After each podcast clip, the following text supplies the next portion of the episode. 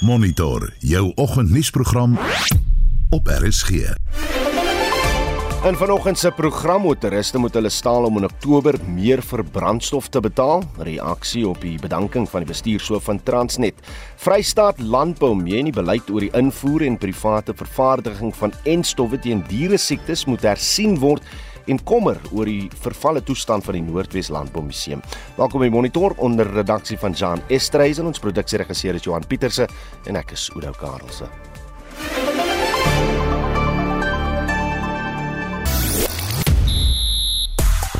Die Springbokke het een voet in die kwart eindronde by die Rugby Wêreldbeker toernooi in Frankryk.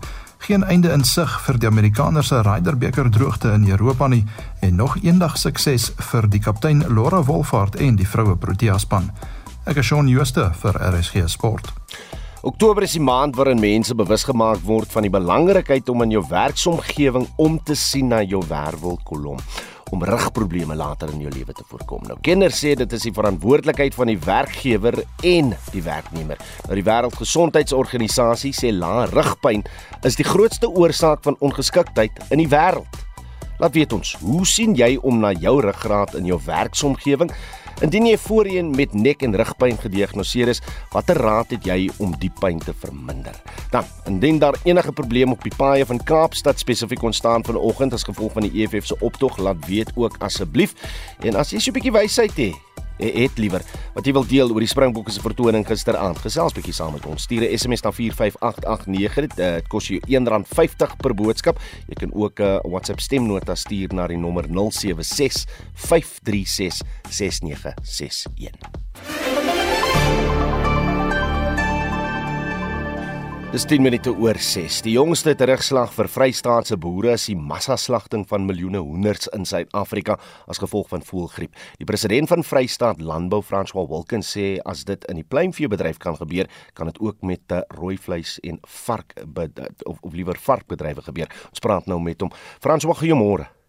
Goeiemôre Oudo en goeiemôre luisteraars. Julle is minder bekommerd oor spesifiek voëlgriep en meer bekommerd oor ander diere siektes. So kom ons begin net met uh, wat in 2022 gebeur het met die back and closure vrye status in die Vrystaat en en en wat was die oorsaak daarvan? Ja, kyk ons is baie teleeggestel dat die Vrystaat se back and closure status verloor het en dit is maar as gevolg van kontrolerende regulasies van die beweging van diere uit die sogenaamde rooi gebied en dan die die die bekende back and closure gebied hmm. sodat dit daar uitgekom het en toe in die Vrystaat beland het. So so wie is dan verantwoordelik vir die toediening van enstowwe teen diere siektes soos back and closure en en waarom skep dit volgens julle 'n probleem? Ja, in die geval van back and closure word dit deur veeartse gedoen, staatsveeartse en dan gewone veeartse in die geval van uh, uitbraak van back and closure sodat daardie diere uitgeslag kan word. Die probleem wat ons gehad het was ekonomies 'n uh, uh, groot terugslag vir die boere gewees omdat hulle op 'n sekere stadium vir 'n lang tyd nie hulle vee kon bemark en op die markte kon kry nie wat hulle kontantvloeie dan baie onder baie druk geplaas het. Dis ook 'n groot voerkraal in die Vrystaat wat hard geslaan is deur back and closure en wat uh, groot verliese vir daai voerkraal teweeggebring het wat weer 'n impak het op die ekonomie van die Vrystaat en aan die plaaslike gemeenskap waar daai voerkraal geleë is. Hmm. En, en sê my wat bepaal die regulasies oor die private vervaardiging en invoer van enstowwe teen uh, allerlei diere siektes? Dit word gereguleer deur SAPRA en dan in die geval van die landbou ook deur die departement van landbou. En wat ons bekommernis en ons probleem is dat daar word gewoonlik gewag tot daar 'n uitbraak is en dan word daar geskarrel en gespook om te kyk of ons enstowwe kan deur die private sektor kan beskikbaar maak en dit vat weer baie tyd. Uh dit is eintlik 'n geval van die departement of dan onderste poort wat deur die staat beheer word moet sorg dat hulle statistieke het van hoeveel vee daar beskik uh in die in die in die Vrystaat of in die land is om dan te bepaal hoeveel enstowwe hulle moet voorsien. So daar's altyd 'n tekort. Daar is enstowwe, maar daar's altyd 'n tekort. Daar's nie genoeg nie. Wel kom ons kyk net wat die afgelope jaar gebeur het. Watter ander enstowwe kon vanjaar nie betyds deur onderste poort biologiese produkte laboratorium verskaf word nie en, en wat was die impak daarvan op die bedryf? As ons kyk na die klein vee, het ons het ons bloutong en slengdalkoors wat 'n probleem was in die afgelope 2 jare met die nat jare wat ons gehad het. Afrika perde siekte en stof is 'n groot eh, probleem wat ek vinnig aan kan dink. Hmm En uh, soos ek sê daar daar's altyd 'n tekort, daar's nooit genoeg nie. So so kan daar 'n oplossing gevind word, François, sonder om die beleid te verander of is jy van mening hy moet eenvoudig net verander? Hulle moet net uh die privaat uh vervaardigers van enstowwe en die privaat sektor wat dit kan voorsien net die toestemming gee want die regulasies maak dit dat hulle dit nie kan gee nie en wanneer daar dan 'n moet toestemming gegee spesiale toestemming gevra word is daar gewoonlik 'n tydsverloop wat maak dat dit dan verby die tyd gaan. So ons ons vra net vir wees net betyds en dat hulle dit aan daai mense eenmal toestemming gee om die enstowwe te kan vervaardig en te kan versprei in die mark. Die regering weet hoe julle daaroor voel. Hoekom verander hulle ja. nie nie hulle benadering nie? Nee, daarvoor het ek nie die antwoord nie en dit is maar die probleem wat ons het. Uh wat my mening is is dat die die, die amptenare en die minister wat moet besluit oor die goed verstaan nie die gevolge en die oorsake van 'n tekort aan enstowwe en die boere is die uh, uh, is die mense wat dan die verliese ly want op die ou einde is, is dit hulle wat uh nie die enstowwe kry nie en hulle diere vrek basies daarvan. En dit was François Wilken, die president van Vrystaat Landbou. Ekonome waarsku dat brandstof aansienlik duurder in Oktober gaan word en die landboubedryf het die prys van diesel reeds in Augustus en September met 14% gestyg. Ons praat nou verder hieroor met Dawie Marie, 'n landbouekonoom van FNB. Dawie, goeiemôre. Goeiemôre Oudo. Die departement van minerale hulpbronne en energie moet nog die amptelike brandstofprys vir Oktober bekend maak, maar wat is jou verwagtinge? Ja, Oudo, ja nee, as ons gaan kyk na wat die die die uh, ongeauditeerde syfers wys tot en met uh, verlede week donderdag, dan begin ons Oktober nie op 'n baie goeie voet nie. Uh brandstof en as ons nou kyk net spesifiek na petrol, dan sien ons daar was 'n onderverhaling van so tussen 77 sent of 83 sent afhangende of vir 93 of 95 oktane. En op diesel is dit so tussen R1.62 en R1.65. Hmm. Uh so ons kan verwag dat die landboubedryf so ten minste R1.65 meer gaan betaal vir 'n liter diesel vanaf van 'n Woensdag aand. Praat net so 'n bietjie oor watter faktore in ag geneem is wat wat hierdie prys beïnvloed, maar ook uh hoe hierdie stygings in die dieselprys spesifiek die insetkoste van graan, mielieboere en so voort gaan gaan uh affekteer. Oor ja, daar's basies maar die die twee belangrikste faktore wat die wat die prys beïnvloed is nou maar die die die olieprys uh, of aan internasionale produkpryse uh, wat ons gesien het oor die laaste tyd uh, relatief hoog is in die omgewing van tussen tussen 92 en 94 dollar vir 'n vat van vir verbrande olie. Nou dit is dis net maar die basisprys wat ons gebruik en dan natuurlik die wisselkoers hmm. wat ook baie wisselvallig is. Met ehm um, het op 'n stadium versterk na R18.80 toe en weer verswak na meer as R19 per dollar toe. En daardie twee faktore is is nou maar die die drywers van ons brandstofpryse. Nou die invloed wat dit op ons op ons landbousektor het is is tweeledig. Aan die eerste kant natuurlik die die direkte invloed daarvan. Uh want sodra 'n uh, 'n brandstofprys styg, dan styg die insetkoste vir boere uh outomaties daarmee saam. Hmm. Ons weet ons is nou natuurlik in die in die uh voorbereiding en die plantseisoen vir die somergraan gewasse mielie, soeibone en in in sonneblom wat die belangrikste gewasse is vir vir uh, produsente in Suid-Afrika. En manne, daarmee saam is die die indirekte invloed daarvan is die oomblik wanneer die die brandstofprys styg, styg vervoerkoste. Hmm.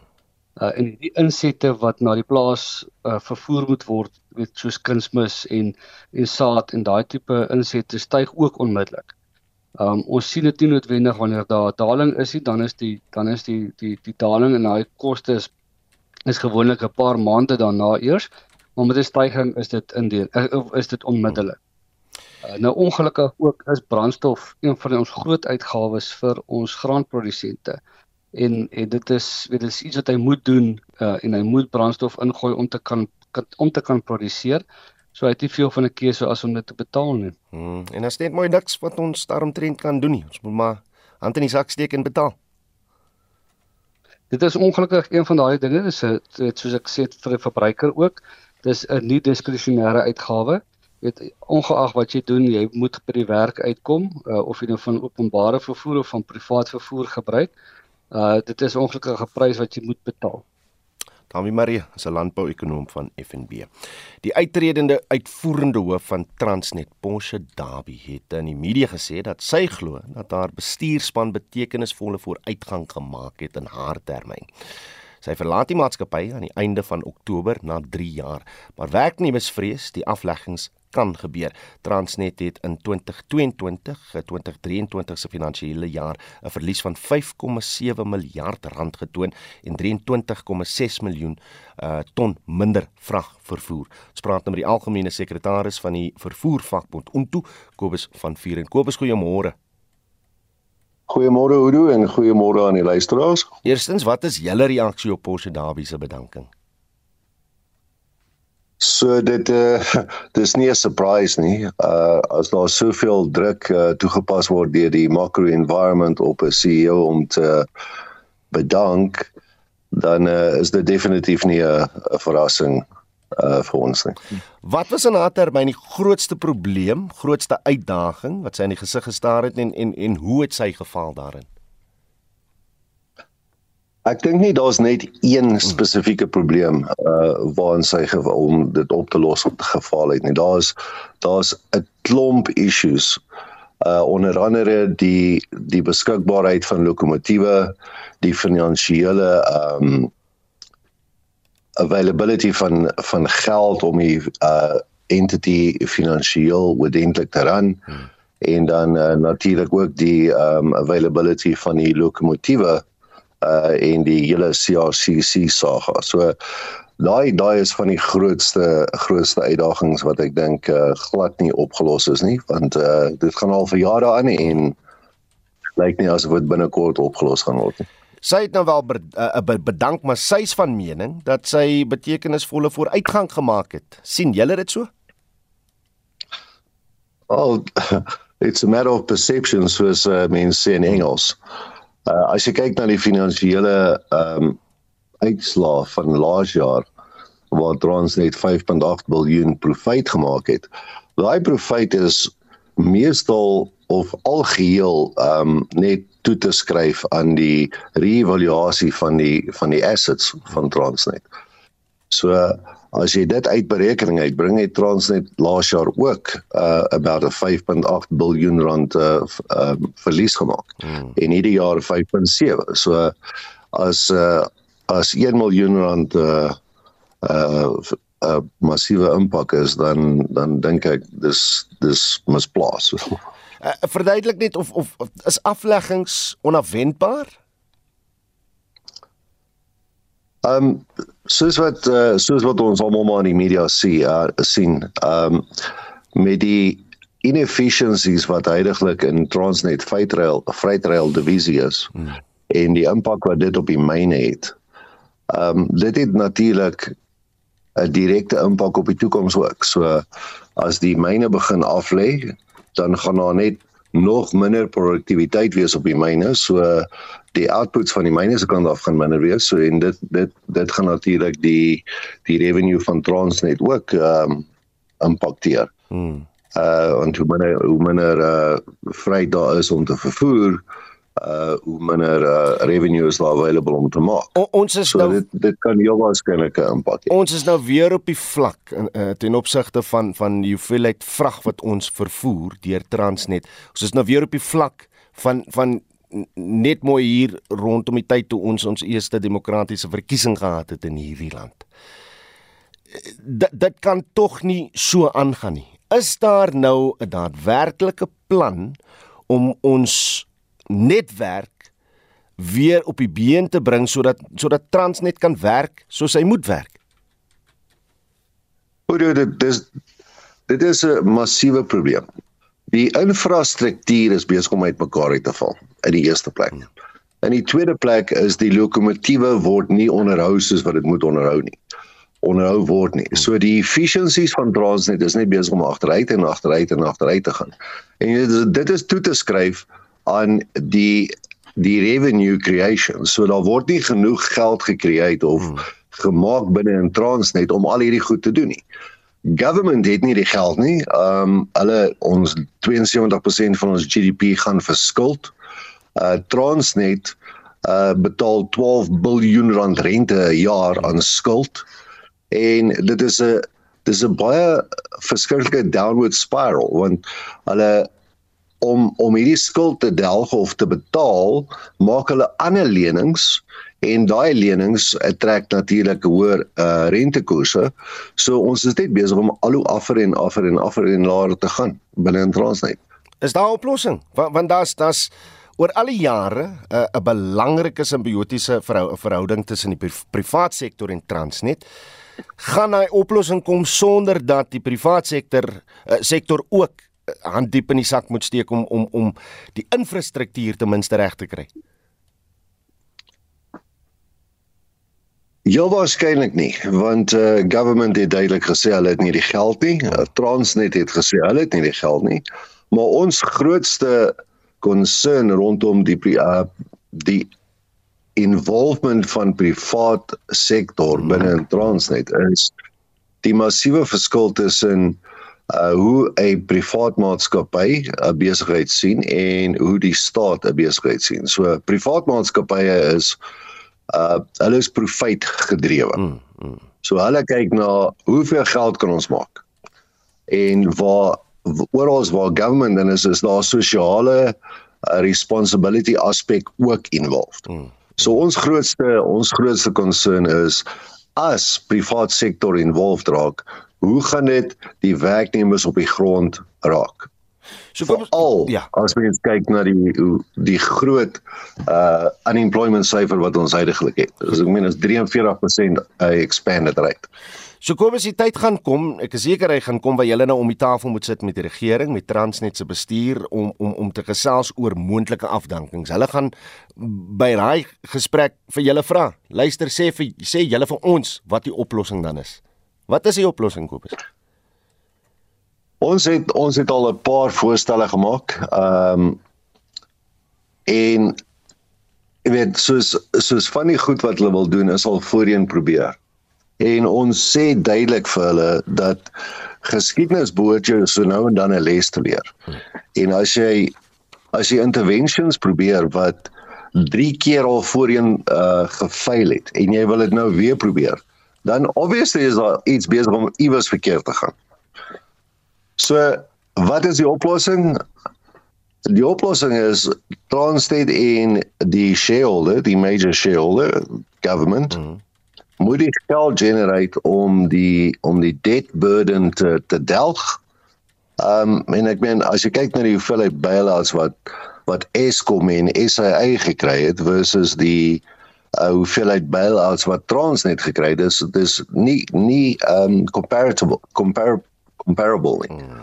Um, die hoeveelheid geld wat regering in Transnet ingesit het, is 'n fraksie van wat hulle in Eskom en in SA gesit het. So ja, die government moet die geld kry. Waar hulle die geld gaan kry, kan ek jou nie sê nie, maar as jy as hulle as government Transnet se skuld delg. So veronderstel hulle kry 130 miljard rand en hulle delg Transnet se skuld as daai skuld nie 'n uh, faktor was in hierdie finansiële results nie, hmm. het Transnet 'n profit gemaak. Kobus van Vieren is die algemene sekretaris van die vakbond Untu.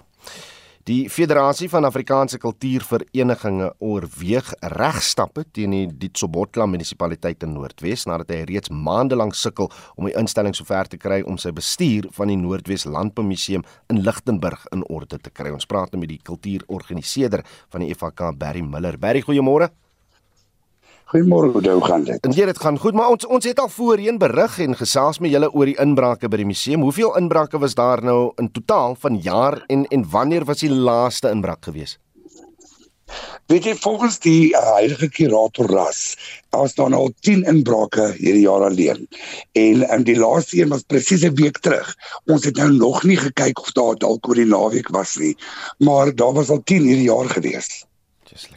Wat wat skiet die by die by die veiligheid van die museum tekort? Waar skiet dit tekort? Jy dit begin eintlik of die beginpunt is dit vir Botla munisipaliteit. Hulle het glad nie die fondse om basiese sekuriteit te betaal om die museum te beveilig nie. En die probleem omdat daar geen sekuriteit is nie, op die einde van die dag breek hulle in soos wat hulle wil en steel maar net wat hulle wil wanneer hulle wil waarby van die mense van die gemeenskap dan gaan om te probeer dit te beveilig deur bijvoorbeeld die gatte in die muur reg te maak of so en dan net 'n week later dan doen dit maar net weer Maar maar dit begin alles natuurlik by die munisipaliteit wat versuim om sekuriteit te betaal om dit op te pas. En nou Barry, julle is nou al maande in gesprek met die munisipaliteit en uh, museum en en niks het gebeur nie. Wat wat is nou die volgende stap? Weet jy ja, ons was net Vrydag daar gewees wat ons nou hierdie prokureursbrief oorhandig het. Waar ons hulle gesê het ons het gee hulle 10 dae. En waar hulle eerstens een van twee dinge moet doen. Of eerstens moet hulle verseker dat die munisipaliteit dan beveilig word 100% of hulle moet dit basies oorlaat aan die FHK en natuurlik belangstellende partye om daai items te skuif vir tyd en wyl na 'n veilige hawe toe dat hulle ten minste nie heeltyd so gesteel word nie.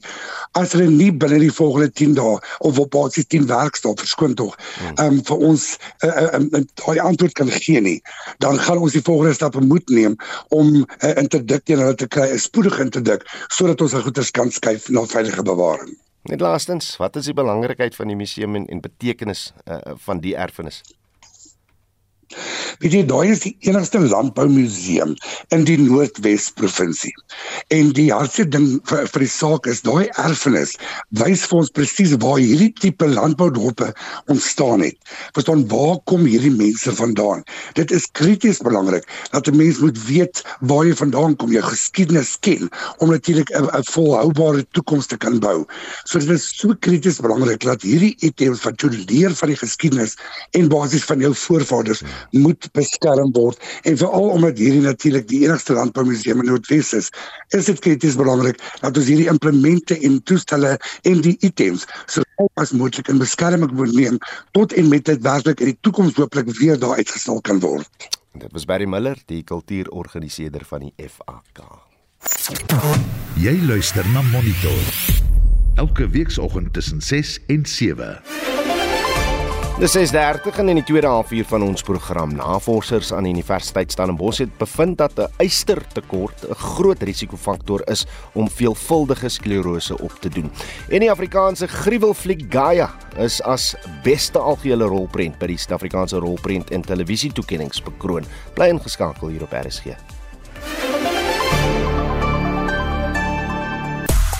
Reg Oktober maand is die maand waarin mense bewus gemaak word van die belangrikheid om in jou werksomgewing veral om te sien na jou wervelkolom om rugprobleme later in jou lewe te voorkom.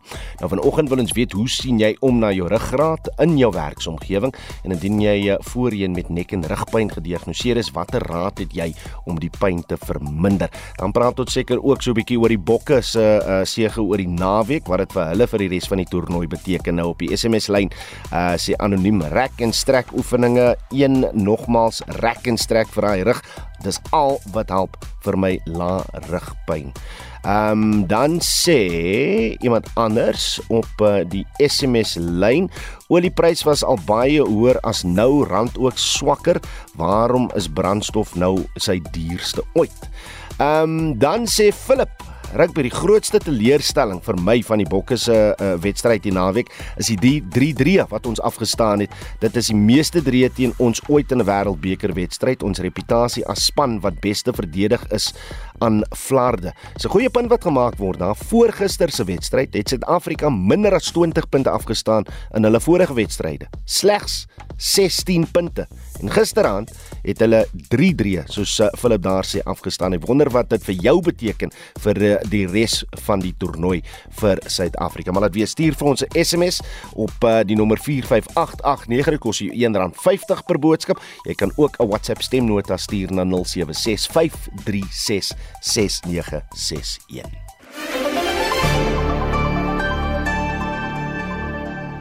Ek soos ons in ons luisteraars vraag laat weet, het Oktober is 'n maand waarin bewustheid gekweek word om na jou ruggraat of wervelkolom om te sien. Dit is ook vandag tot 6 Oktober 'n rugbewustheidsweek. Nou die tema is hitsmerk elke ruggraat tel en 'n ortopediese chirurg by Busamed Modderfontein Private Hospitaal in Johannesburg, Dr. Lusanda Bomela, spesialiseer in die wervelkolom. Sy sê rug en nekpyn is van die belangrikste redes hoekom mense dikwels siek verlof neem en dat bewus bewustheid van hoe om korrek te sit kan help om die siekte toestand te bestuur. Mitsi van der Merwe het meer besonderhede. Dr Lusanda Bomela sê dit is 'n toestand waaroor bewustheid ontbreek. a lot of people do suffer from back pain. The numbers that we have from the uh, Spine Awareness Month of 2022 from World Health Organization is that at least 80% of people will suffer from either neck pain or back pain in some time within their lifespan.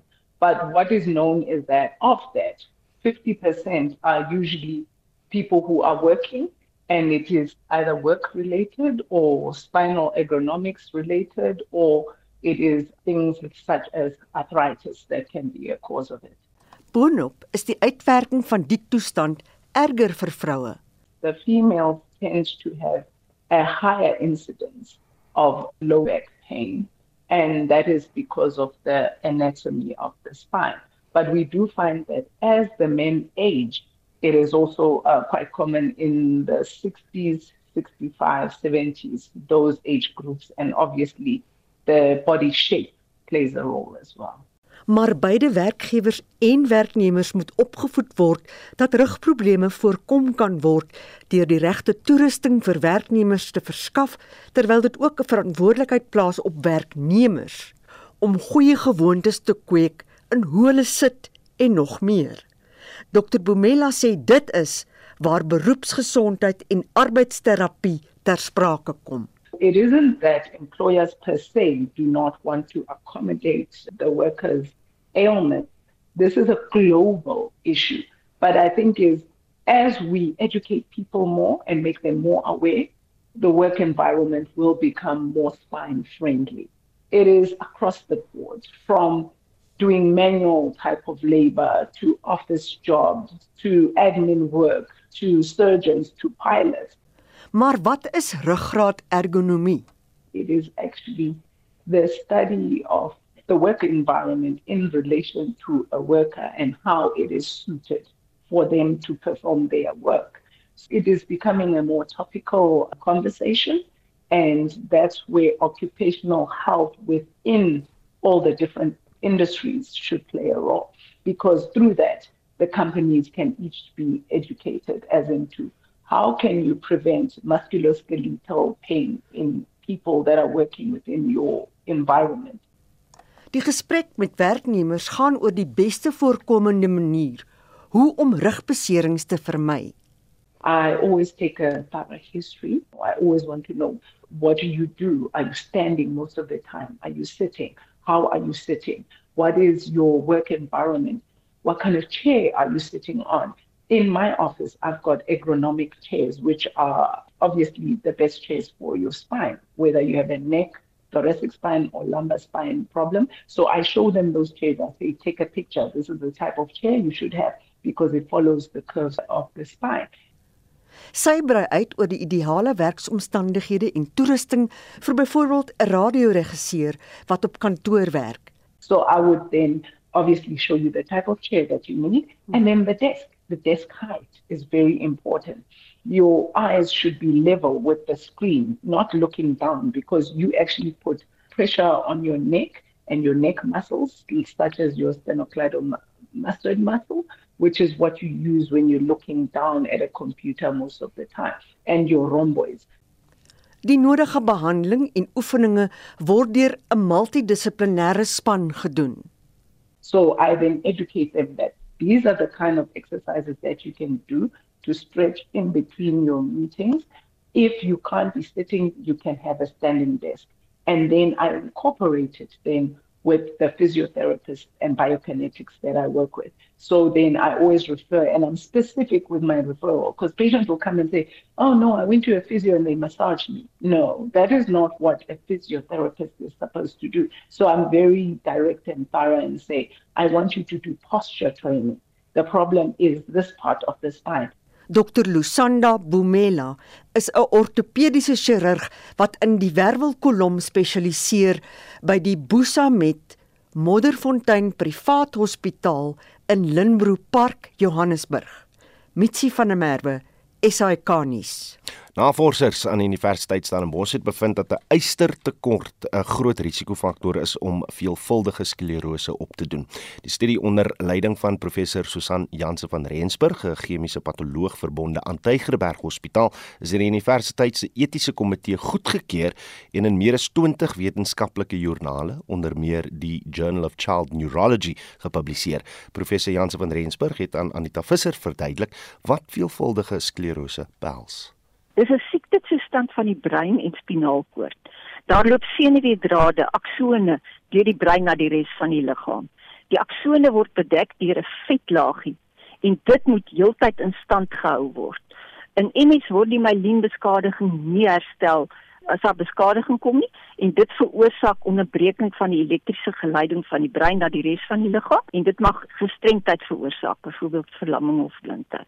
Nou wat maak julle navorsing belangrik of 'n wêreld die eerste? Ons het ontdek dat ystertekort kan verhoed dat die uh, myelien herstel word nadat dit beskadig is. Dit is omdat die selle wat die myelien in stand hou, yster nodig het vir energie om dit mee te doen. Dit is soos beerdkrag in die brein. As jy nie genoeg yster het nie, kan jy nie die skade herstel nie. Ons het 'n hele paar risikofaktore ontdek wat saam met ystertekort 'n probleem kan wees Daar is nog ander risikofaktore. Dit kan verdeel word tussen tekorte en toksiese faktore. Die tekorte is Vitamiin B12 tekort, Vitamiin D tekort. Gebrek aan antioksidante in die dieet, dis te min groente en vrugte in die dieet, tekort van onversadigde olies in die dieet en gebrek aan oefening. Die toksine is dinge wat oksidasie veroorsaak, soos preserveermiddels of outomate stres, rook, te veel versadigde vette in die dieet, kroniese infeksies, allergieë of voedselsensitiwiteit wat inflammasie kan veroorsaak. Al hierdie risikofaktore speel 'n rol in die voorkoms van MS, sowel as die uitkoms daarvan. Ek sien nou ook dat julle navorsing kan nou sekere gevalle studies omdraai. Daar's 'n voorbeeld van 'n vrou wat 15 jaar lank in 'n reistool was, maar sy loop nou vry rond nadat haar ystertekort aangevul is. So daar is wonderlike stories van omdraai faktore. Ja, dit het baie lank gevat vir hierdie dame om yster supplemente te drink. Sy het nie daarvan gehou nie. Sy het gesê dit maak haar siek. Maar toe ontdek sy self 'n yster supplement wat in 'n mens se mond oplos en wat nie in die res van jou liggaam ingaan nie en wat vir haar genoeg yster voorsien. En dan het ons ook 'n dametjie wat nou al 3 ultramaratonne voltooi het nadat sy 15 jaar nou al MS het. So al hierdie risikofaktore moet net aangespreek word. Dan kan mense gesond lewe. Mens kan nie sê jy sal gesond word van MS nie, maar jy kan gesond lewe. Wel as jy kan opstaan uit 'n reistool en loop soos wat met die een vrou gebeur het, dan is dit tog 'n baie groot verbetering. Natuurlik. Mense moet tog nie dink dat 'n relaps in MS die einde van die wêreld is nie. Maar as ek nou kyk na die faktore, so baie van ons eet nie 100% gesond nie. Ons kry nie al die oksidante wat ons moet nie. Ons eet nie genoeg groente nie. Ek meen dis 'n algemene ding onder mense. Oor die rokers praat ek nie eers nie. Maar hoekom kry relatief min mense mense veelvoudige sklerose of loop daar rond wat nog nie gediagnoseer is nie. Dit het heel moontlik te doen met die sonskyn in Suid-Afrika. My seun het vir 9 jaar in Engeland gewoon en hy sê in Suid-Afrika reën dit ook maar jy sien dit kom en jy sien dit gaan. Maar in Engeland hang dit net. In Kanada praat ek nie eers nie. Hulle die meeste MS in die wêreld. Daar kan jy nie uitgaan in die somer nie want dit is te warm en jy kan nie uitgaan in die winter nie want dit is te koud. So dan hulle kom nooit in die son nie. Sê vir my professor, het ons enige idee hoeveel Suid-Afrikaners aan veelvuldige sklerose ly? Ja, daar is 'n studie gedoen net so onder die 5000 mense. In Tansanië is daar net 6 mense wat MS het. Hmm in die Verenigde State is daar amper 'n miljoen mense. En ly meer vroue as mans daar, weet ons? Ja, dit hang af van die studies, maar daar's definitief meer vrouens as mans. En ons dink dit het te doen met vrouens wat meer yster uitstyg omdat hulle menstrueer. Ons het byvoorbeeld 'n dame in Mauritius wat uh, yster tekort het en sy het vir ons laat weet dat net voor menstruasie word haar MS simptome baie erger. Sy kan nie loop nie en sy's baie moeg dan net na menstruasie dan kom alles weer reg. En ons het toe gesê man, drink net 'n bietjie meer yster voor menstruasie want dan gee jy vir die liggaam genoeg yster om bloedselle te maak, rooi bloedselle. Sy het nou gedoen en dit werk.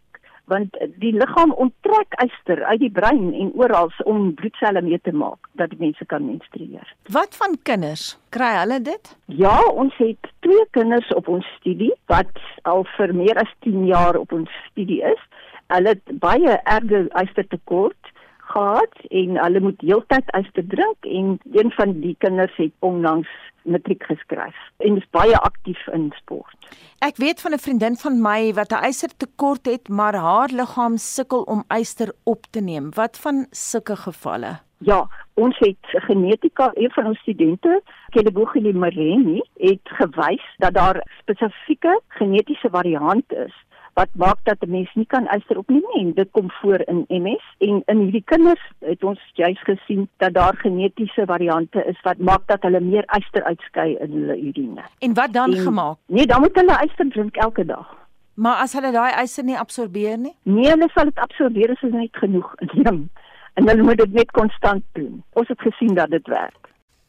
En dit dan professor Susan Janse van Rensburg, 'n chemiese patoloog verbonde aan Tygerberg Hospitaal wat daar met ons Anita Visser gepraat het. Netflix se Silverton Rage het met die louere in 6 rolprent kategorieë by die Suid-Afrikaanse rolprent en televisie toekenninge, oftewel die SAFTAs, weggestap. Hierdie toekenningsgeleentheid is vir die eerste keer sedert die COVID-19 pandemie nie virtueel aangebied nie. Anne Marie Jansen van Vuren het dit in Midrand bygewoon en hierdie verslag saamgestel. A to you, South Africa. A special hello to our esteemed guests this evening. Yes! It feels so good to be live and in charge this evening. I mean, it has been three years of staying at home, learning about herd immunity from Facebook, and that crazy uncle. We all have that one uncle. But the SAFTAs are back in their rightful form, live and in person, celebrating the talent and skill that make up the industries of film and television.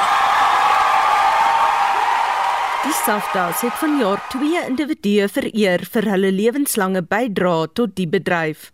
Die minister van Sport, Kuns en Kultuur, Zizi Kotwa, het hierdie toekenninge oorhandig. Die ontslape ondersoekende joernalis en televisieaanbieder, Derek Watts, is bekroon vir die rol wat hy voor die skerm gespeel het. Die regisseur en kinematograaf, Koos Roots het 'n safte ontvang vir die bydrae wat hy agter die skerms gelewer het.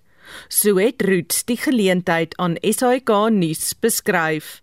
Hierdie jaar is my 61ste jaar in die bedryf en uh, ek het begin met Jamie Eis in 1962 en soos ek sê 61 jaar. Dis die eerste keer wat ek by hierdie tipe inkomens was. So ek moes my skoene aantrek vanaand en my was agter die ore tas aantrek, alles so, dit is baie lekker, baie baie wonderlik. Dankie. Die Afrikaanse gruwelfliek Gaia is met 4 SAFTAs bekroon, insluitend in die grootste toekenning van die aand, beste algehele rolprent.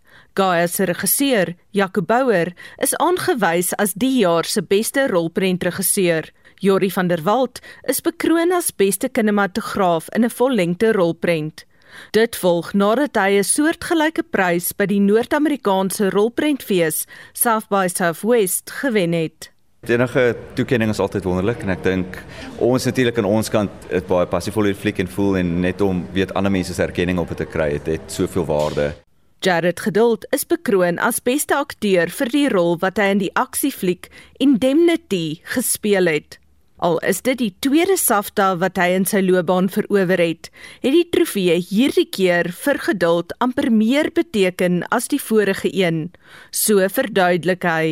Ek meen een van die redes hoekom dit baie vir my beteken is dat as ek terugdink aan hoe lank dit gevat het vir Gambit Films om 'n movie te maak, dan gee dit vir my so 'n lekker gevoel in my hart. So vir my om die rol te speel was dit nogals baie uitdagend, maar ek moes myself ook gedissiplineerd en myself altyd gecheck het om seker te maak dat ek my beste voet voorsit vir hulle want hulle het baie hard gewerk jare gevat om 'n movie te maak. En so vir my was die responsibility gegee om die hoofrol te speel en met daai kom baie pressure. So ek moes gereed gewees het ek moes dissiplined gewees het en ek moes altyd seker gemaak het dat ek vir hulle Gambit Films ook eer in hulle besoek om 'n movie te maak Die Afrikaanse sepies binnelanders en suidooster het ook verskeie toekenninge by die SAFTAs ontvang. Tropica Island of Treasure All Stars van SABC3 is bekroon as beste kompetisie werklikheidsreeks. Ek is Anne Marie Jansen van Vuren vir SAK nuus. Hierdie sportbulletin word met trots aan jou gebring deur SABC Sport, die amptelike radio-uitsaier van die Rugby Wêreldbeker Frankryk 2023. Regson Jooste saam gereed met nuus oor van die naweek se groot sportgebeure. Môre Sean. Môre Oudo. As ek so na die Rugby Wêreldbeker se punte leer kyk, sien ek uh, punte verskille en aller allerhande reëls wat nou uh, in plek gaan kom om te besluit wie aanskuif en en wie nie in die kwartfinale gaan wees nie. Ja nee, dit is nogal interessant hier in Oude, maar kom ek stel dit so as Ierland Saterdag teen Skotland wen, dring Ierland en Suid-Afrika deur kry Skotland 5 punte en Ierland 1 lyk die situasie so bietjie anders. Dan het al drie spanne 15 punte en dan is punte verskil uiters belangrik. Die span met die beste punte verskil eindig dan bo aan die groep en wie die wedstryd tussen die twee oorblywende spanne gewen het, eindig tweede en dring deur na die kwart eindronde. So die bokke kan nog uitval, maar ek voel hulle is veilig genoeg. Hulle punte verskil is 117, Ierland se 122 en Skotland se 97. Dan is die agterdeur ook nog oop vir Italië en Australië, maar ek sien nie probleme vir Frankryk, Nieu-Seeland of Fiji in die laaste ronde nie. So ek verwag Italië en Australië gaan uitval. So die gr groot ding waarna Bok ondersteuners moet uitkyk is Skotland wat met 'n bonuspunt wen, met ander woorde. Ja, nee, beslis en dan uh, natuurlik wat Ierland uit die wedstryd kry. Reg. Uh, Tuisveld bly maar belangrik soos die naweek in die Ryder beker gesien is.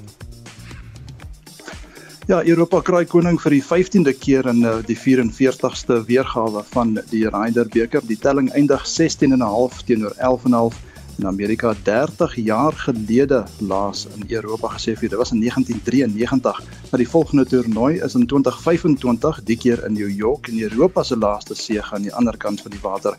Was bietjie meer onlangs in 2012 Spraak bietjie cricket van uh, die vroue Protea kolwer Lore Wolfhard se kapteinskap is heel suksesvol tot dusver. Al het sy die verantwoordelikheid uh, van die kapteinskap Ja, twee reeks oorwinnings van 2-1 eers in en teen Pakistan en nou tuis teen Nieu-Seeland. Nou ons het wel vroeër gehoor dat die besoekers uh, die derde en laaste wedstryd gister met 6 paaltjies gewen het. Laura Wolfhard was ook natuurlik aangewys as speler van die reeks. Sy het 200 lopies aangeteken wat 'n 150 tal ingesluit het. Daar was net daardie 3-0 nederlaag in die T20 reeks teen Pakistan, maar Suid-Afrika kan sake regstel met die T20 reeks teen Nieu-Seeland wat Vrydag op uh, Buffalo Park in Oos-London begin. En het jy opgelet ek begin nou minder en minder verwys na my sokkerspan en wat hulle oor die naweek verrig, né? Ja nee, dit was nie 'n goeie naweek gewees uh, vir Pirates en natuurlik United nie, maar kom ons begin met die Engelse Premier Liga. Manchester City verloor 2-1 teen Wolves, dis hulle tweede agtereenvolgende nederlaag. Uh, terwyl die Bure United ook ongelukkig tuis 1-0 teen Crystal Palace verloor, Tottenham Hotspur se indrukwekkende seisoen word voortsit met 'n 2-1 oorwinning oor uh, Liverpool en dan Aston Villa het Brighton en Hove Albion met 6-1 verpletter en dan het laastens plaaslik het Sekhukhune by SuperSport United aangesluit in die groepsfase van die Afrika Konfederasies beker toernooi. Dit was na 1-1 gelyk op uitslag teen St Eloi Lupopo van die DRK. En dit dan Shaun Jooste van RSG Sport. Nou hoe dit ook al gaan uitwerk in groep B by die wêreld rugby by die rugby wêreldbeker. Suid-Afrika het gisterand teen Tonga gedoen wat hulle moes doen, 'n wen en 'n bonuspunt, maar heelwat kwessies bly nou nog oop vir bespreking vanoggend en om daaroor te gesels. Sê ons goeiemôre vir SABC Sport se rugbiontleder en die voormalige bokbreier Pieter de Villiers. Pieter, goeiemôre. Goeiemôre, hoe gaan dit met jou? Nee, dit gaan goed. jy klink as iemand wat 2 uur vanoggend gaan slaap het, maar kom ons kyk net die groot nuusflits vanoggend is die feit dat ons nou wag vir duidelikheid oor hoe ernstige besering aan die vleuel Makazole Mapimpi is. Dit lyk soos 'n ernstige wangbesering en hy sal blykbaar vandag vir 'n skandering gaan. Sou hy vir die res van die toernooi nou nie beskikbaar is nie. Wat beteken dit vir die planne van die afrigspan en ook as jy dan 'n plaasvervanger moet inbring Pieter, bring bring jy die Hakker Joseph Dweba Wêreldbeker toe?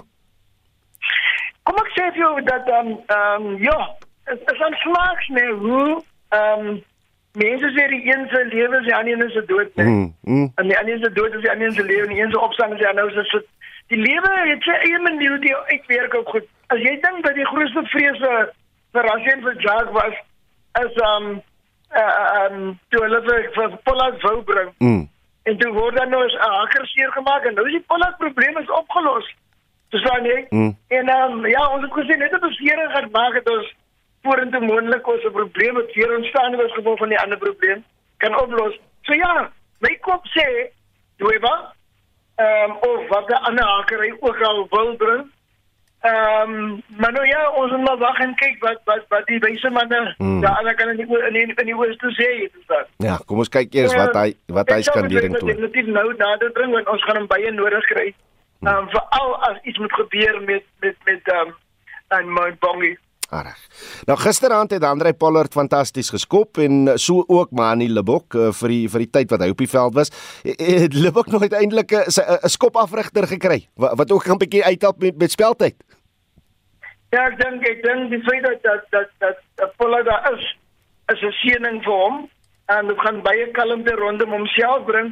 Ehm um, die die die die boetjie waar ons ehm um, die, die, die ons het altyd gekritiseer of verlang na 'n plek om te wees. Daar's twee briljante loskakels het. Ons het nou twee daar. So ek dink dit is eintlik baie baie beter vir ons of 'n daagse kop om nou te hê dat die twee mense het wat regtig regtig van twee verskillende ehm um, maniere kan bring van speel. Hmm. So as hy die speler kies wat hy wil kies dan sal ons weet dat er wat er spelpatroon hy gaan gaan gaan volg. Absoluut, absoluut. Nou daar's plekke gisteraand Pieter gewees waar, waar die bokke glad nie die plan goed uitgevoer het nie, maar nog steeds byna 50 punt op die tellbord gesit het. Wat is van hierdie areas van spel wat opgeknap moet word vir die kwartfinale? Maar uh, ons is nou nie so bekommerd jy weet ons is bekommerd om rede dat jy speel maar net hoe jy oppositie toelaat om te speel. Hmm. En hierdie klein mannetjies is nou almal huis toe wat um, alles sou gee in die lewe om om om om om tussen ons te kom en dinge te doen op die veld. Ons gaan dalk eens spanne speel wat baie meer gestruktureerd is. Ehm uh, wat vir ons gaan toelaat om te speel soos ons wil speel. Miskien nie die spasie gee nie, maar maar hulle gaan ons toelaat om ons binne spelpatroon te bly.